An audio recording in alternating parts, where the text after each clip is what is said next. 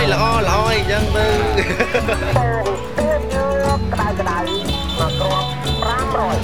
Het is ochtend in het avondland.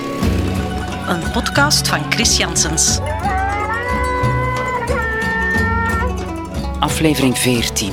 Een stortvloed aan ervaringen.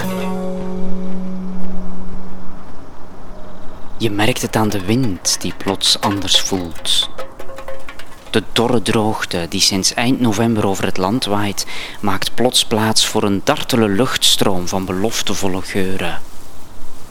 Je meent vaag de zee te ruiken en hoort flarden van gesprekken uit verre oorden die door deze zilte bries zijn meegenomen.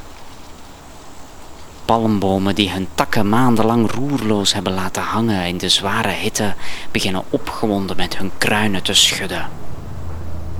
Oud stof vervliegt en drijft mee op het enthousiasme van deze nieuwe wind, die verkoeling brengt, afwisseling, energie en uiteindelijk ook regen.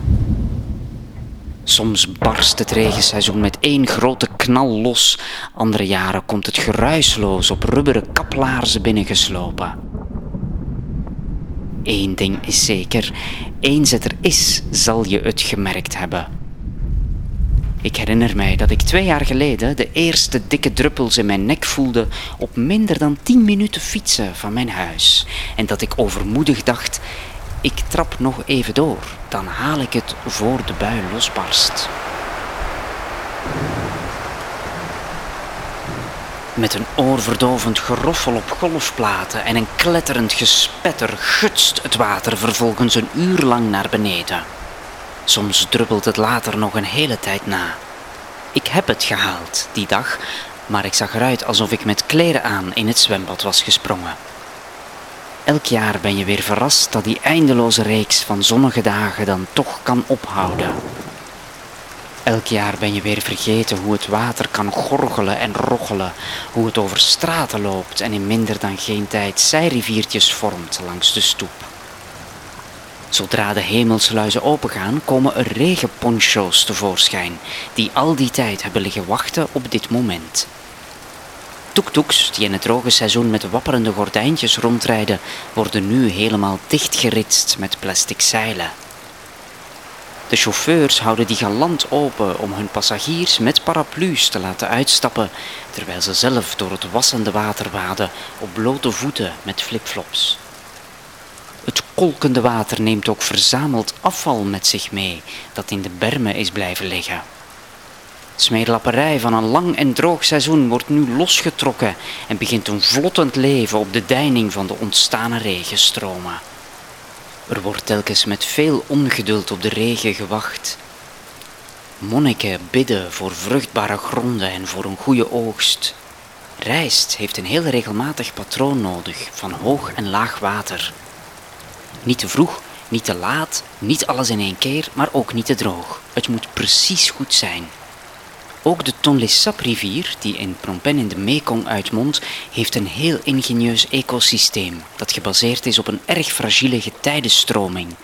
Als het water van de Mekong begint te stijgen, wordt de Tonle Sap door de stuwende kracht landinwaarts geduwd. Daar is een meer ontstaan dat volgens een minutieus draaiboek van moeder natuur buiten de oevers treedt. Vissen wachten op dat magische moment om te paren. Gewassen geven gul hun vruchten af bij zoveel drassige weelden. In het najaar loopt het bassin leeg en stroomt het water opnieuw naar zee. Dat principe is uniek in de wereld. Geen enkele normale rivier kan in twee richtingen bewegen. Dagelijkse regenbuien zijn de garantie dat dit systeem op peil gehouden wordt. Vallende druppels staan symbool voor voorspoed en overvloed. Twee maanden na mijn fietsincident ben ik een weekend in Battambang. Het heeft de voorbije dagen nogal veel geregend, zegt mijn tuk-tuk-chauffeur laconiek. Dat blijkt te betekenen dat een groot deel van de stad blank staat. Ingangen van winkels kunnen nog net droog gehouden worden met zandzakjes en dweilen.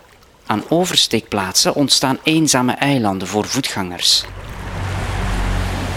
Zodra het licht op groen springt, moet je afdalen tot straatniveau en door kniehoog water naar de overkant ploeteren. Maar Cambodjanen malen er niet om. De nattigheid raakt hun koude kleren niet. Op de markt duwen handelaars hun karren met koopwaar door de bruine smurrie alsof er niks aan de hand is. Brommers laten een spoor van opspattend water achter zich en kinderen spelen joelend in de modder. En zo zijn we opnieuw in de moesson terechtgekomen. En ook dat went weer snel. Dat je leert om de tekenen te lezen, de wind te interpreteren, in te schatten of je je nog kan verplaatsen voor de wolk zal losbarsten.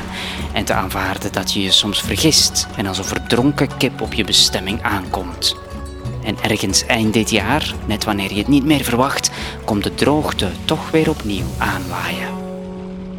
Vind je deze podcast leuk? Abonneer je dan via Spotify en klik op de bel om elke woensdag een bericht te krijgen als er een nieuwe aflevering online komt.